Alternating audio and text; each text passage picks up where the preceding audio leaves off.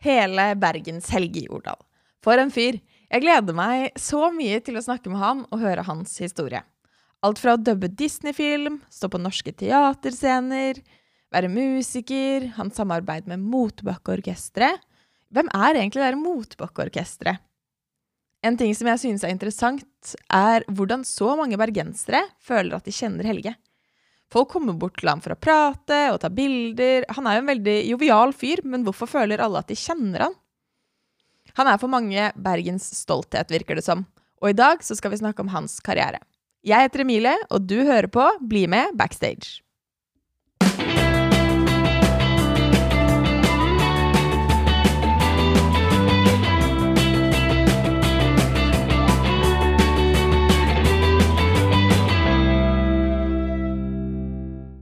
Sitter du godt? Ja da, jeg sitter på. Godt på rumpen. Det går bra, det. Det er bra. Hei, Helge. Hei, hei. Hvordan har du det? Jo, altså, hva skal man si? Det er jo, det er jo Vi må liksom ha Jo da, det er sol skinner, og det går jo ikke an å ha det bedre i Bergen akkurat nå. Nei, det gjør jo ikke det. Jeg har invitert deg hit av flere grunner. Du sitter på veldig mye historie for denne byen, og du er et veldig viktig ansikt utad for kulturbransjen. Du har en lang karriere både innenfor musikk og innenfor skuespill. Og hvis vi skal ta det sånn helt tilbake til starten, husker du når du sto på scenen første gangen? Ja, du mener nå Altså, du, du mener ikke mitt arbeid, du mener som, som, som, men, som, som menneske. Ja. som lite menneske. Der kom en eh, kollega, som siden ble kollega, Elna Kimmestad.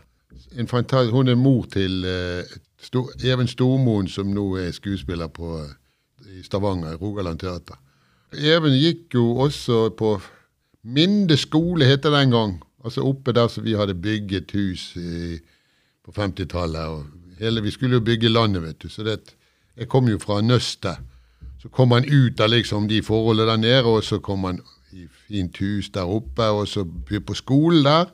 Og det hadde vært lasarett under krigen. Tyskerne hadde lasarett, så det var kors på veggene. Og, så det var liksom en ny tid hadde begynt. Så kom hun, Ellen Kimmestad, og tilbød seg å, sette opp eventyrspill med ungene.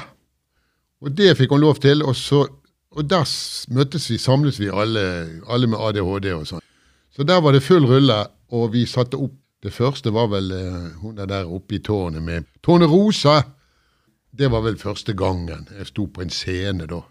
Det var flere som siden ble kjent forfatter. Hun er Ingrid Lønnebotn. Hun spilte Den onde feen. Hun er jo forfatter nå.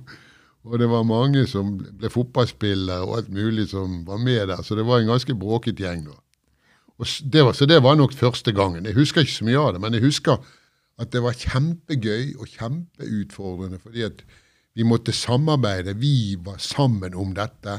Den følelsen den hadde jeg på en måte ikke følt og, og hatt sånt skal vi si, Syntes det var fantastisk den gangen, husker jeg. Så, da, så det, var, det, var, sikkert like mye med Jeg har ikke, husker ikke så mye av det inne på scenen, som sagt. Det var den at vi skulle skape noe sammen når vi hadde kort tid og vi var avhengige av hverandre. og sånn.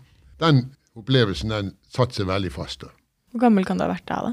Ja, Det var vel i sted mellom 11 og 11-12 år, noe sånt vel. Mm. Ja. Skjønte du så tidlig at det var skuespill og musikk du skulle drive med?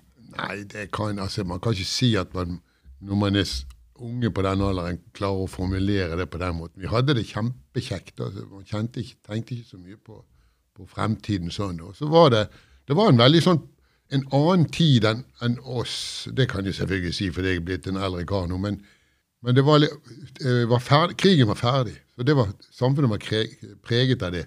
Folk skulle bygge landet. Sant?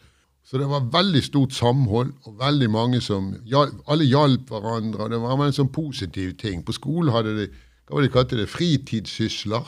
Så vi var jo på skolen, på skolen nesten hele døgnet. Så vi, når vi kom hjem, så var det hjem og gjøre de leksene vi skulle gjøre. Og sånn, og så sa alltid ja, 'Har du gjort leksene?' 'Ja, gå utover', sa de da. Sånn. For hjemme skulle det da være pent, hadde de pyntet, altså skulle det være pent hjem da. sant? Men når tok du det karrierevalget om at det ble artist og skuespill? Det er litt vanskelig å si akkurat, men eh, helt sånn konkret så var Hun gjorde noen år, hun Ella Kimmestad. Da var jeg med der, selvfølgelig. Og så fordi at det var nye sånne skolekretser Vi bygget jo, Det var rett utenfor bygrensen etter den gangen. I Fana het det den gang. Og den eh, ærverdige skolen der som vi da sognet til, det var Fana Høgre kommunale allmennskole, som het den gang. Og der var det altså en teatertradisjon, for det var noen entusiastiske lærere som ville at elevene skulle ha med seg kultur på veien, og det med teater. Ut, eh, på skolen var det jo fritidssyster hele tiden, så det var fotball og friidrett. Og, og, de kristne hadde sin greie, og vi hadde skoleteater. Og så var det etter hvert også filmklubb og viseklubb.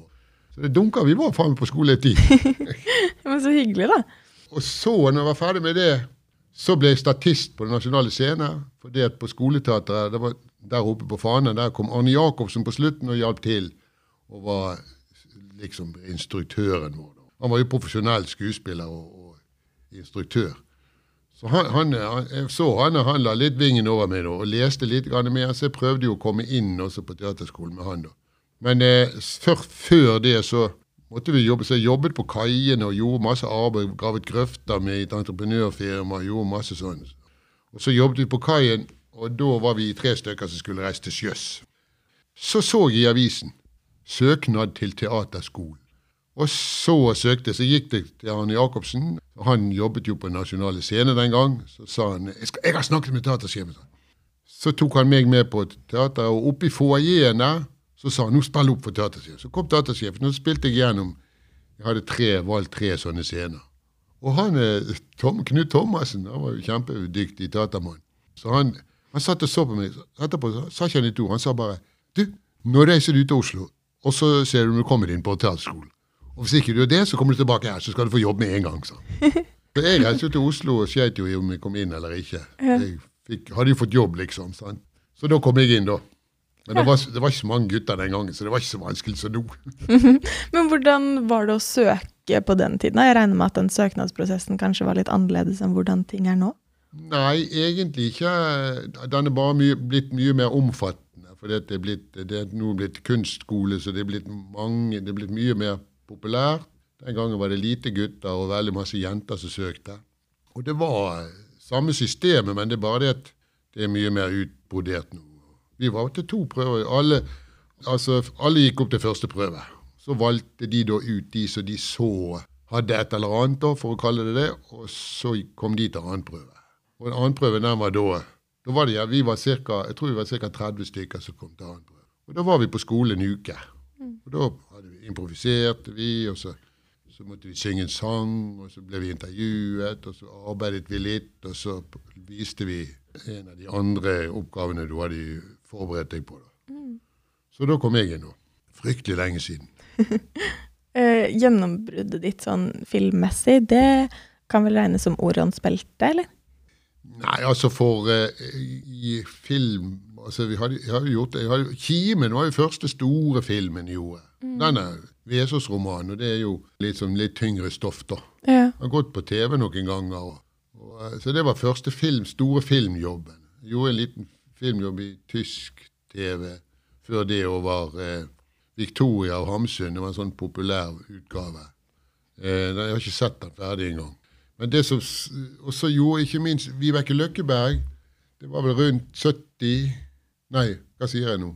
Det heter i ball hvor fort denne tiden går. I hvert fall, eh, Den ble jo liksom milepæl. Og så dubbet vi masse. Vi jobbet hele tiden med norsk film. Mange av de jobbene, de, jobbene, de jo, ble jo ganske bra. så De lever jo ennå. For sånn, Den lille havfruen ja. Den har sikkert du sett òg. Ja, for det skulle jeg til å si at det, det, er nok der min generasjon kjenner best til deg. da. Ja, Gjennom den, at du var krabben i Den lille havfruen. Ja, så Frida med hjertet i hånden ja. har veldig masse jenter på din alder sett. Mm. Og, og, så var det jo flere sånne filmer. Men det var Orionsbeltet som slo så veldig.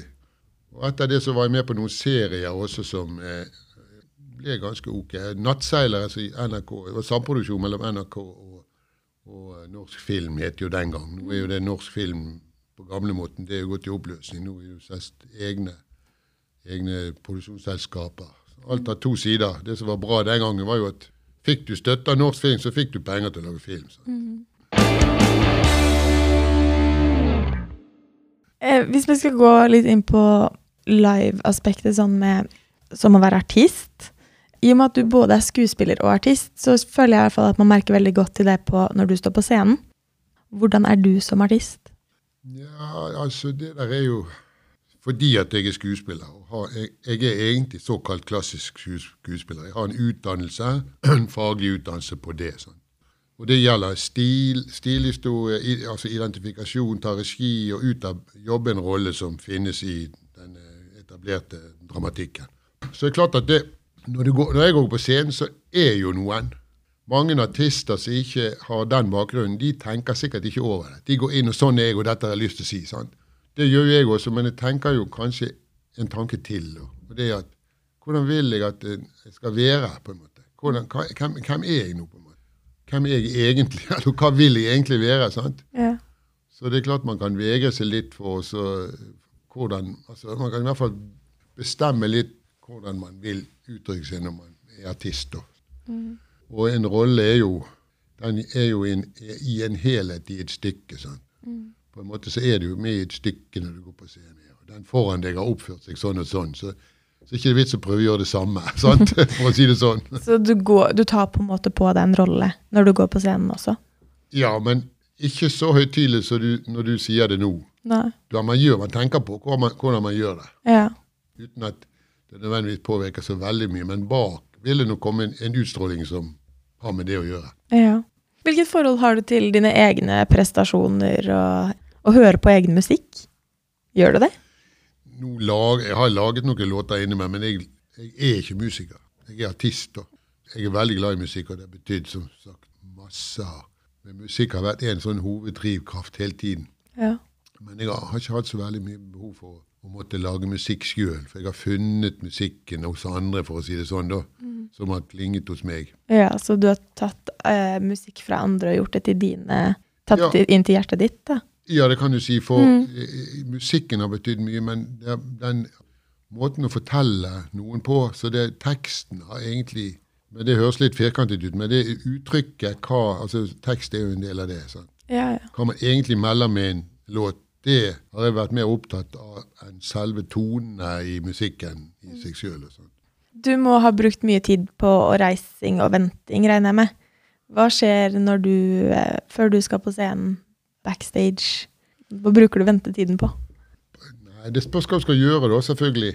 Så eh, jeg er jo såpass eh, jeg, Nei, det er jo det når du skal på en jobb som er litt sånn du er veldig usikker, så bruker jo du tiden på å ikke besvime. Og du lurer på Du går igjennom hele livet. Hvorfor i all verden har jeg valgt dette? Hvorfor vil jeg monsieur så ondt? Så Fordi ondt det er mye dette. stress, eller hva? Ja, du er så livredd. Skal inn plutselig, og så roper de 'Ja da, nå er det din tur'. Og så er det inn, og så holder du på å besvime når du går inn, og så har du plutselig så har du glemt alt. altså Ja. at du var redd og alt. 'Oi, helsike, dette er jo gøy'. 'Oi, ja, de hører på deg', osv. Men blir du, så du blir stresset før du går på scenen? Nervøs? Jeg vil ikke kalle det stresset. da. Det er en slags sånn eksisten eksistensiell uh, vei man går der. som Hva er, er det Har jeg valgt dette her, altså? det er jo helt forferdelig. Men går du alltid av scenen med en god følelse? Nei da, det hender jo noen spørsmål. Nå, snak, nå tenker du sikkert som artist, da. Det, jo, det blir jo som å være skuespiller, det også. Du har gjort en jobb, og du har hatt et mål med det før du gikk inn på et vis. Så spørs det hvor bra du syns du har gjort det. Og så eh, hender jo at du får reaksjoner som er, er veldig bra, eller kanskje ikke så bra. Som er litt annerledes enn de du opplevde sjøl. Så da må jo du revurdere det. Så du går alltid gjennom det du har gjort. Både fordi at du vil utvikle deg, fordi at det, det, er, det, mest, det er det gøyeste. Å slippe å gjøre feil om igjen, som også er jævlig teit. Og så er det veldig spennende. Det er et fryktelig spennende fag, fordi at du lærer samtidig deg sjøl å kjenne på et vis. Så skjønner du at det er ingen grense for hva du kan få til hvis du bare klarer å få deg, få deg til å gjøre ting som du aner du kan få til, og så skjønner du en vei å gå. Så det er et, et fag som du aldri er kjedelig. Det gjelder selvfølgelig skuespilleri i utgangspunktet, men det å formidle i det hele tatt. Hvilke type erfaringer er det du Eller hvilke ting er det du har typisk måttet endre på? For å begynne med det som egentlig er faget mitt, det er jo at du gjør en rolle, og så, så, så får du en eller annen tilbakemelding. Det er faktisk sjelden at kritikerne kommer med så veldig mye du lærer av. Dessverre. Det hender, men ikke så Får du en eller annen som sier noe om Å ja, han, hun mener at du gjør for mye av det, eller du har glemt å uttrykke dette, eller underslått noe. og sånn, sant? Å ja, og så går det på en måte, så du lærer alltid, så tenker ok, jeg må legge mer vekt på andre ting. Å ja, hun er større, hun gjør mer av det eller mindre av det, osv. Så, videre, sånn. så den prosessen er, Det er alltid spennende å snakke med folk som du vet er interessert, så ikke bare sier det fordi at de sier noe ferdigtygd. Det merker man ofte fort. Ja. Og, og, sånn er det for så vidt med musikk og sånn også, men jeg er jo ikke jeg er jo ingen, jeg er ingen sanger. Jeg er en slags artist som kan spille tre grep på gitar og litt munnspill og, og slå tamburin, og så synge sanger som klinger i mitt hjerte, så jeg kan få til noe med på et vis. Mm. Hva er det du trives best med i dette yrket, da? Nei, jeg er, en gang til, jeg er klassisk skuespiller. Sant? Så det som er synd nå, for jeg er ikke på noe teater, og nå er jo jeg i den posisjonen at jeg har såpass mye erfaring. Jeg kan spille de store Shakespeare-rollene, f.eks. Kong Corleanius eh, Altså de store, de som har levd ditt liv. Det kan du ikke gjøre når du er 18 år. For du har ikke levd ditt liv som forstår hva egentlig den teksten står. Akkurat som da du går inn i et stoff hvis du, Så lenge du bruker energi på å være og si teksten, og si det og, og, late, og få, få til å spille det, så bruker du, så vil du bare. Plutselig en dag når du kan teksten, altså teksten er blitt inn, plutselig går det opp en vegg. Så skjønner du på en måte, går du inn i en verden som er, så du blir en del av. på en måte. Det er fantastisk stoff. Men det koster mye arbeid, og det viser seg det ikke ut som alle som vil, betale den prisen. på en måte. For det er en pris, da. Å, å kna det og gjøre det til ditt, og ikke slippe det. Og, det er ikke bare å lære noen setninger og så gå inn og si dem. Sånn. Det, er, det er aldri teksten vi spiller. og Det samme er egentlig når du er artist. og det er jo ikke at du sier 'I love you', men det er måten du sier det på, hvorfor du sier det, hva slags historie som er under, som gjør at du vil høre på det. sant? Ja, ja. Og det gjelder ikke minst hos eh, de store klassikerne. sant? Så ja. da blir det på en måte det mm. den uh, verden som du på en måte kan gå inn i og si noe om den. Ja. Vi sier alltid når vi begynner å jobbe, så spør vi alltid ja, hvor er jeg, og hvor skal jeg? Altså, hvem jeg er, hvor skal jeg? Du sier teksten fordi at der kommer hun ut inn døren. Hun, hun hater deg. Og da sier jeg 'Å, hei', sier du. sånn. Så later du som sant? Det er jo et spill under som gjør at det blir dramatikk eller en formidling av noe i livet som er viktig å si noe om. Ja. Mm. Og alt med kroppsspråk og Ja. Mm. Det er jo en skuespiller som Det er jo det fysiske, gestiske uttrykket som vi sa i gamle dager. Ja, ja. Hva tenker du er fordelene og ulempene med den, den bransjen her? Nei, det er jo så lenge, altså, så lenge teater, og særlig institusjonsteater, så lenge det er jo veldig dårlig med gruppeteater. Folk har ikke en felles plattform lenger. Alle holder på med seg sjøl, ser det ut som. Og Dermed så blir institusjonene fryktelig viktige. Og når du har altså Når våre myndigheter ikke vet, kan svare oss hvorfor de velger styreledere, og styrelederen ikke kan forklare hvorfor, hvilke kriterier de velger denne teatersjefen, da er det helt opp til hvordan det går. Så dermed så Det sprer seg jo nedover. Er ingen, da er det liksom ikke noen felles plattform, noen fellesskap. Da er det bare at jeg er flink, og du er ikke så flink. Og det er, har ikke noe med kunst å gjøre. Nei. Så da forvitrer kunsten. Og da er det helt tilfeldig at det kommer noe inn som har noe å melde, så noen andre kan koble seg på, for å si det sånn, at det kan bli noe fint innimellom. Mm. Men da, det, da, da, går det egentlig, råtner det egentlig langsomt på ro. Og da handler det om meg, og da kommer alt det andre. Da kommer et dårlig kameratskap, vennskap. Man ønsker ikke den andre noe godt, og så begynner alt det der tøvet. Mm. Er det enkle grep du tenker man kan gjøre for å forbedre sånne situasjoner? Nei, det er ikke så. Det er jo, det er jo alminnelig kompetanse for det man driver på. Mm. Du må jo kunne vite hvordan styre, og hvis ikke du kan drive med teater og ha peiling på hva det vil si Teater er jo nå har vi svingt innom litt, det er, et, det, er jo en stor organisasjon å få et teaterstykke på beina. Og Særlig da hvis det er et teaterstykke som har alt det, de eh, fasilitetene som skal til for å uttrykke dette du vil. Og teaterkunsten er jo da satt sammen av alle kunstarter, på en måte. Lys, lyd, scenografi, sminke altså Både tid og uttrykk. Alle kunstarter finnes det litt av i dataforskning. Så hvis ikke du har minimum av begrep og forhold til det, og skal lede et arbeid innenfor data, så, ligger, så det, blir det jo sånn som, det er liksom, Å ja, der fikk de til. Å, det var fint. Det er jo helt i. Ofte så er det jo gjerne en tanke bak. Noe av det fantast, mest fantast, fantastiske jeg har vært med på, det er jo Hålogaland Teater i Tromsø. Det begynte jo med at de skulle, Helsenkomiteen for lenge siden skal prøve å gå ikke ta alt, men så sa at vi skulle ha regionteater i Norge. 1972 ble det opprettet et teater i Tromsø, som skulle være da Nordnorske teater. Nord-Norges teater. Og så søkte de skulle ha en teatersjef. Det ble satt ned et styre med kloke folk der oppe på, og så skulle de ha en teatersjef. Søkte de ut, og så var det da særlig en gjeng fra Bergen. Nils Utsi, eh, han eh, Severud og mange eh, skuespillere herfra. sa vi har jo, vi jobber så bra sammen, kan ikke vi bare søke? Og så var det der styret og de der myndighetene der oppe såpass oppegående at eh, så de ga det til et allmøte. Og det som skjedde da, har, har jo betyr, fått masse ringvirkninger i Teater Norge. Så da begynte altså, de, og da laget de en plattform. Det var apropos tilbake der vi var. Plattformen var at vi begynner i Nord-Norge. Her har ikke vært noe særlig teater før. Vi vil lage teater for problemstillinger i Nord-Norge. Hvordan folk har det her. Nordnorske dialekter, nordnorsk kultur, nordnorsk historie. Dette vil vi formidle. Og Da på en måte var det mye enklere å samarbeide om. For det var det det handlet om. sant? Og, og, gjennom den prosessen så forsto jo folk at nordlendinger er jo ganske nysgjerrige og direkte og friske folk, da, stort sett.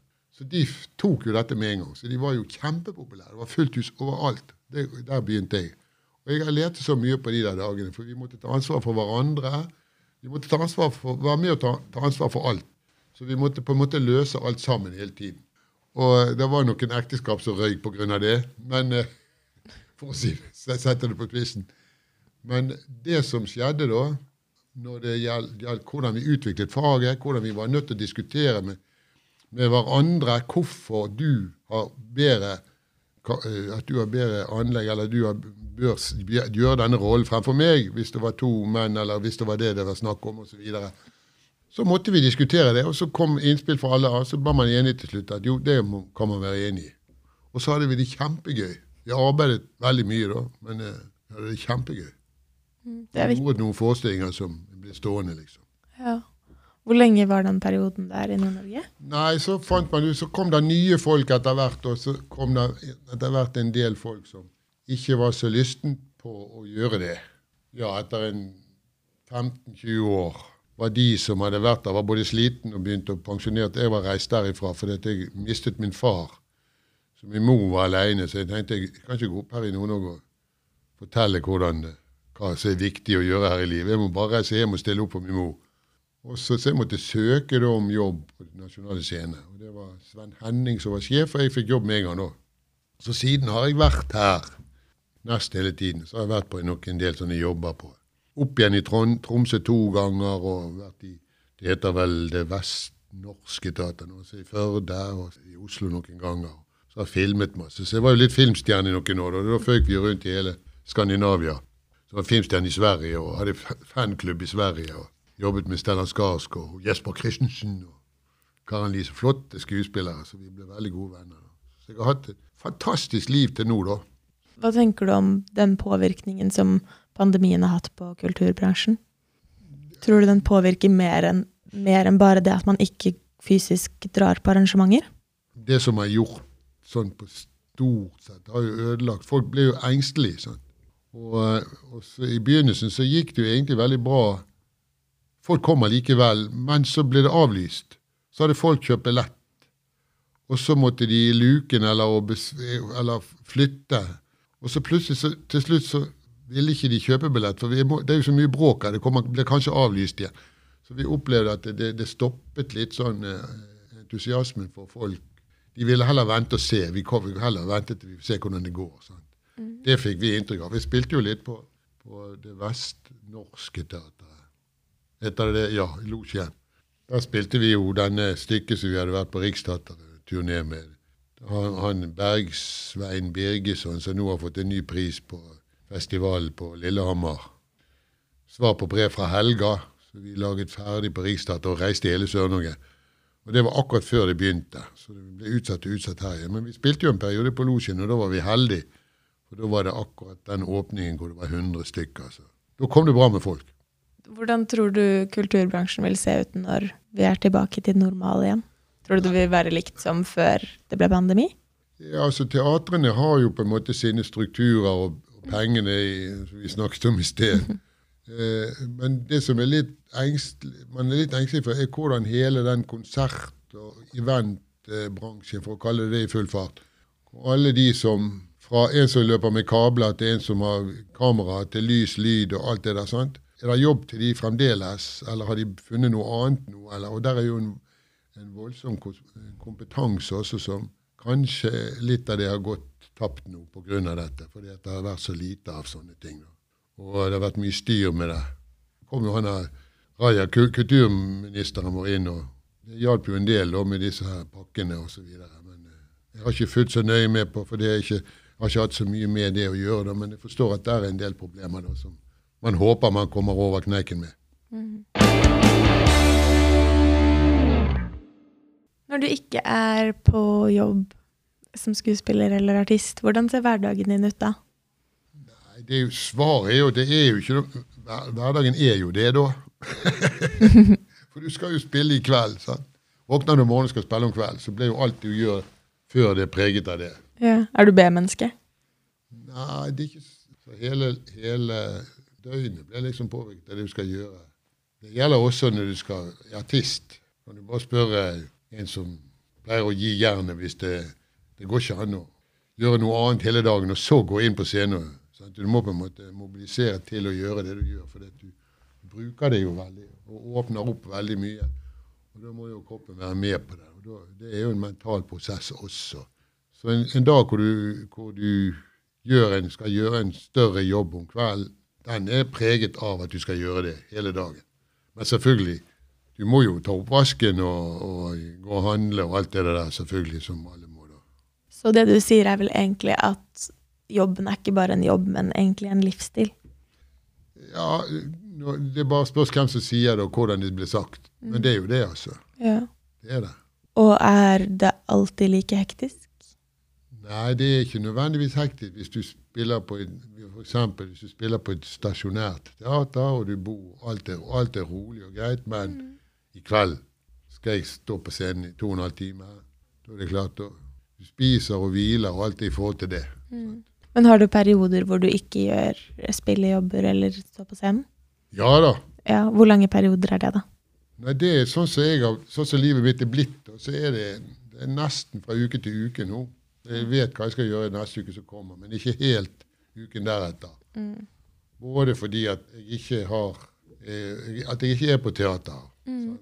Og Da blir det så forskjellige oppgaver. Opplesningsjobber, litt filmjobber. Eh, nå har ikke blitt noe reising pga. denne virusen. og Det foregår jo det meste her i distriktet. da. Jeg har fått med meg at veldig mange bergensere synes det er veldig Eller det er en ting som er veldig fascinerende med deg, og det er at alle bergensere de, Jeg tror de føler at de kjenner deg. Sier du det? Jeg føler ikke du det? Ja, det er veldig mange som ikke.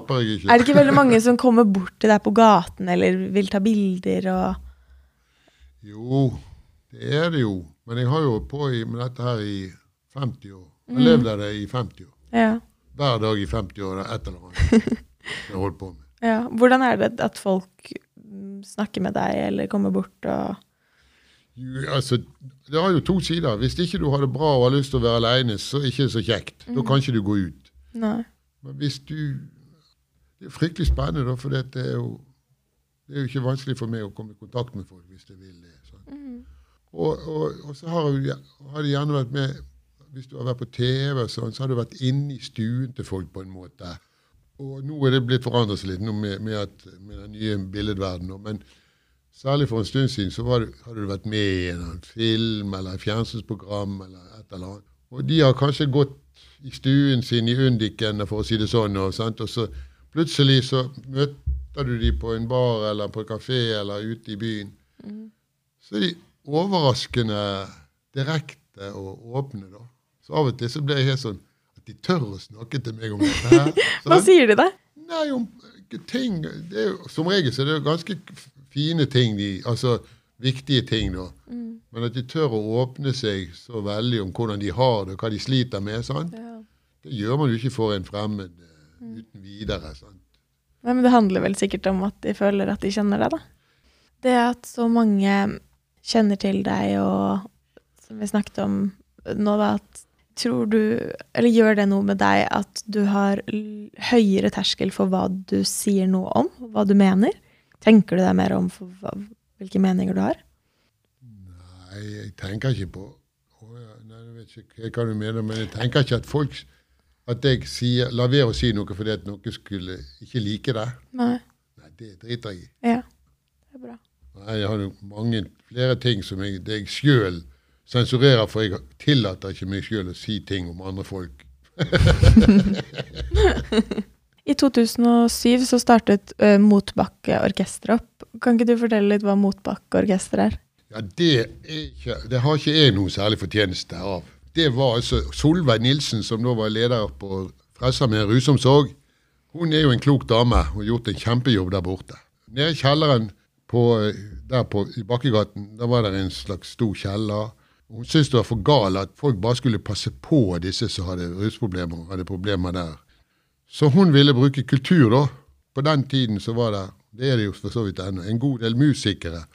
Veldig dyktige musikere i Bergen. Men det er ikke jobber, og, der, og i tillegg så er det så få steder som det går an å få spille. Og alt er så høytidelig hvis du skal spille nå, for du må jo ha management, og du må ikke ha måte på for å være med på en konsert. Når, det var jo to-tre av de der har jo levde ved siden av å være musiker. De måtte jobbe på Bakgaten fordi at ikke de tjente penger nok. sant? Så dro hun de ned i kjelleren, og så fikk de utviklet det der stedet til en slags studio, storstue. Og det er påfallende mange som ute, har vært ute og kjøre med, med stoff, og som på en måte trengte hjelp på Bakkegaten, som har, spilt, som har spilt et eller annet instrument. Og påfallende mange som er fryktelig musikalske. Så istedenfor å sitte og passe på dem, så sa vi går ned i kjelleren. Når du kommer ned og lukker igjen den døren, så snakker man bare musikk. Da snakker man ikke om sine problemer, om dop og alt det som verden hvor forferdelig og alt det der. sånn. Og dermed så fikk det noen flotte ringvirkninger. Så kom de til meg og spurte om ikke jeg kunne være med på julekonsert til Frelsesarmeen. For jeg har gjort litt sånn sosiale arbeid. Jeg syns det er viktig. Vi har jo har du overskudd, så, så gjør det Bergen litt bedre, en litt bedre by å leve og bo i. Frelsesarmeen, rusomsorg og Kirkens Bymisjon, det tenker ikke folk, i hvert fall ikke de fine folkene her i byen, over en jobb de egentlig gjør. Hvor veldig mye bedre de gjør denne byen å leve i. Så det er veldig bra at folk støtter dem. De pengene som går inn her, de går jo til ting som gjør at det kan bli bedre. Sant? I hvert fall så, denne frelsa med julekonserten, så spurte Solveig kan ikke du være med på Så var jeg med der et par ganger, og så spurte synge, du kan få synge med orkester, har ikke du lyst til det? Med hele blåserekken til Frelsesarmeen sin eh, sånn, med brassbandet til Ja. Det går ikke an å si nei til. Nei. Og så skulle vi finne en låt. På den tiden var den eh, In The Neighborhood til Tom Waits. Den var veldig populær da. Og der går, er det mye sånn Det er noe brass, brass inni der. Så ja, det prøver vi på. Og så begynte vi på en øving. Jeg skulle synge på det. Og så synge In The Neighborhood Nei, nei, det går ikke an dette. Det går ikke an å synge på Grieghallen med Frelsesarmeen og så synge på engelsk. Så ble jeg så fortvila at jeg gikk hjem, og så, så fikk jeg faktisk uh, Art by accident, kaller vi det da. Så fikk jeg, fikk jeg til en veldig bra oversettelse på det, da, av en eller annen grunn. Jeg var veldig tro mot han da. Og så ble det veldig bra. Og så sa det pang. Og så denne låten har begynt å leve sitt eget liv. Og så var det han Helge Vestby på Grappa forlag, så de, de hadde lyst til å gjøre noe. For noen av de gutter som, jeg, som jeg har samarbeidet med siden, de skulle gi ut plate, så han sa jeg skal sjekke opp denne låten. Så han brukte visst fire måneder og kom frem med advokater, og til slutt så kom han frem til Tom Waits, sies det. Og han hadde lest teksten, sånn oversettelse, og så ord for ord-oversettelse, og alt det der som de skal ha. Og så hadde han visst sagt noe sånn som Ja, men det er jo dette her jeg har skrevet, la de bare gi det ut. Sånn begynte liksom Ja. det der med Den ble jo en, ligger jo på YouTube, men det er jo 20-30, vet ikke hvor mange tusen som har vært inne og hørt på det. Og så, sånn begynte liksom det samarbeidet med Frelsesarmeen rusomsorg. Så fremdeles er det jo Vi gjorde jo en julekonsert for 20 stykker, var det det var? 50 stykker? ja, i I, julen som var. i, i, i eh, Håkonshall. Det er jo helt tussete. Ja. Ja, det var ganske, ganske annerledes, kan man si. Ja. Men veldig fint, da. ja, det var kjekt. Veldig fint som de, for de som var der. Ja, det var kjekt å høre. Og det stoffet er jo, er jo ikke i den hippe rappe musikkverden er jo kanskje ikke det som er mest interessant for, for mange, da, men de låtene funker veldig bra for folk som Det er jo, det er jo en slags melding i, i de fleste av de der låtene. da. Jeg har veldig lyst til å gi deg en utfordring. Fordi Ja. vi har noe som heter Bergenfest-stipendet. Har du hørt om det før? Kanskje det klinger bak, men jeg vet egentlig ikke hva det er. Nei, for Bergen Live drifter Bergenfest. Den festivalen som vi har her i juni hvert år. Ja da. Eh, og da har vi laget et stipend som er for up and coming artister, sånn nye artister. Sånn at de kan få et lite økonomisk eh, og eksponeringsmessig tilskudd da, for, å, for å klare å satse litt på musikken. Så jeg har Ja. lyst til å spørre deg om du kan ringe en venn og eh, synge litt av en låt. Og hvis vennen din svarer, så skal vi gi 1000 kroner til dette stipendet. Fra Bergen Live til Bergenfest-stipendet. Ja vel. Mm. Tar du utfordringen? Ja, det var synd jeg skulle visst det på forhånd, så kunne jeg, for du glem, jeg har mistet en låt som jeg kanskje kom på nå. da. Hvem er det du skal ringe til? Da tenkte jeg å ringe til min medspiller som jeg har spilt med nå lenge. Og nå, nå, nå, nå, Dette hører jo ikke hun, for å si det sånn. Så, og vi har sang jo en sang hele tiden på, på jobben.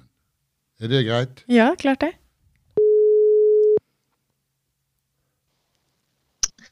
Det er velkommen til Lykkeboden. Hva kan jeg hjelpe deg med? Ja, hva gjelder det? Innst i hjertet, der held du til. Mine drømmer våkner. Jeg stig fram, o det som skal skje. åh. Nå begynner jeg å grine. Det var vel ikke meningen. Nei, det var, Nei. Nei dette, det, nå blir jeg flau, for nå klarer jeg ikke jeg, jeg, Du er med på en utfordring. Det var en som ba meg synge en sang for deg. Så hvis du sang litt til nå, så hadde, hadde Ja. blitt stipend på noen her. Men du gjorde ikke det. Nei. Men, det, men det kan jeg godt gjøre. Ja, gjør det i full fart. Skal jeg gjøre det? Ja, gjør det. Ja. Da må vi begynne på nytt igjen, da. Eneste da, der held du til. Mine drømmer våkner. deg stig fram, og det som skal skje.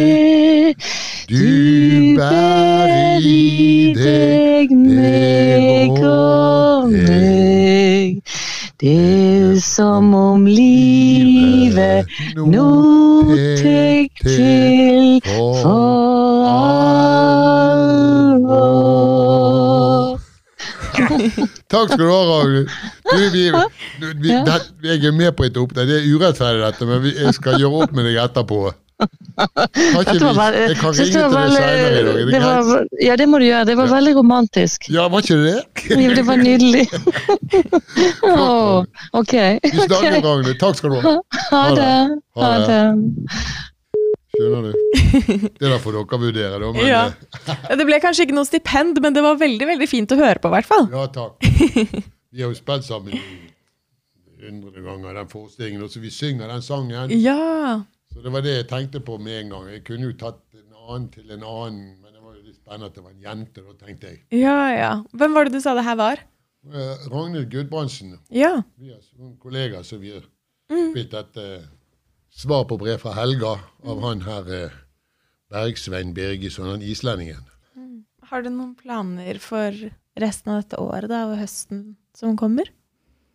Nei, det er fremdeles veldig påvirket av eh, denne virusen, for å si det sånn. Så nå skulle vi på Vi har vært med nede på, på eh, Rosendal. Der er det Gurine, søsterskipet til, til han eh, Amundsen som gikk i isen med Gaia. Nei, hva heter det? nå? Ja. Dette var søsterskipet som er pusset opp og blitt et nydelig, fantastisk håndverk, sånn som de bygget skip i gamle dager. Det, er et- det er jo så vakkert og så flott håndverk. Den har jeg vært med på å backe de opp med gjøre konserter eller underholde for å få inn penger til at de skulle kunne gjøre ferdig. Så de skulle på en lang tur nordover. Da skulle de være med, men eh, nå tør de ikke lenger pga. virusen. Det blir noen korte turer, så jeg får mer og mer med litt. da. Det skal jeg gjøre som er sånn utenom, da. Eller så gjør Terje Vigen gjør jo også det. Også, sånn, nå- jo, jo eldre man blir, så blir man veldig opptatt av der der hva vi kommer fra, når vi ser hvor, hvordan det går nå. Vi har en, vi har en rot her da, som ikke er, som er veldig Vi har en fantastisk historie. da. En arbeiderhistorie som er li, uten lite korrupsjon og lite mord og drap.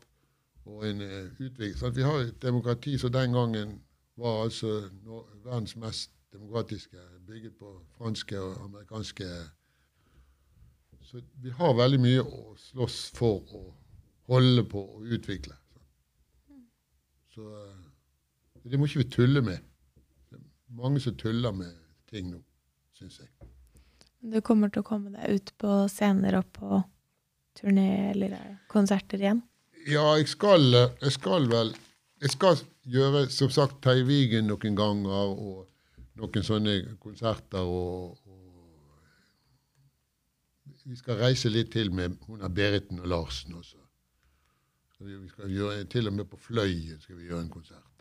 Så jobber vi litt med, med disse her eh, Bekkalokket, Kalfa-kollektivet, som det er også en lang historie, men i full fart så er det da noen som begynte med folk som har sittet inne lenge og gjort ting.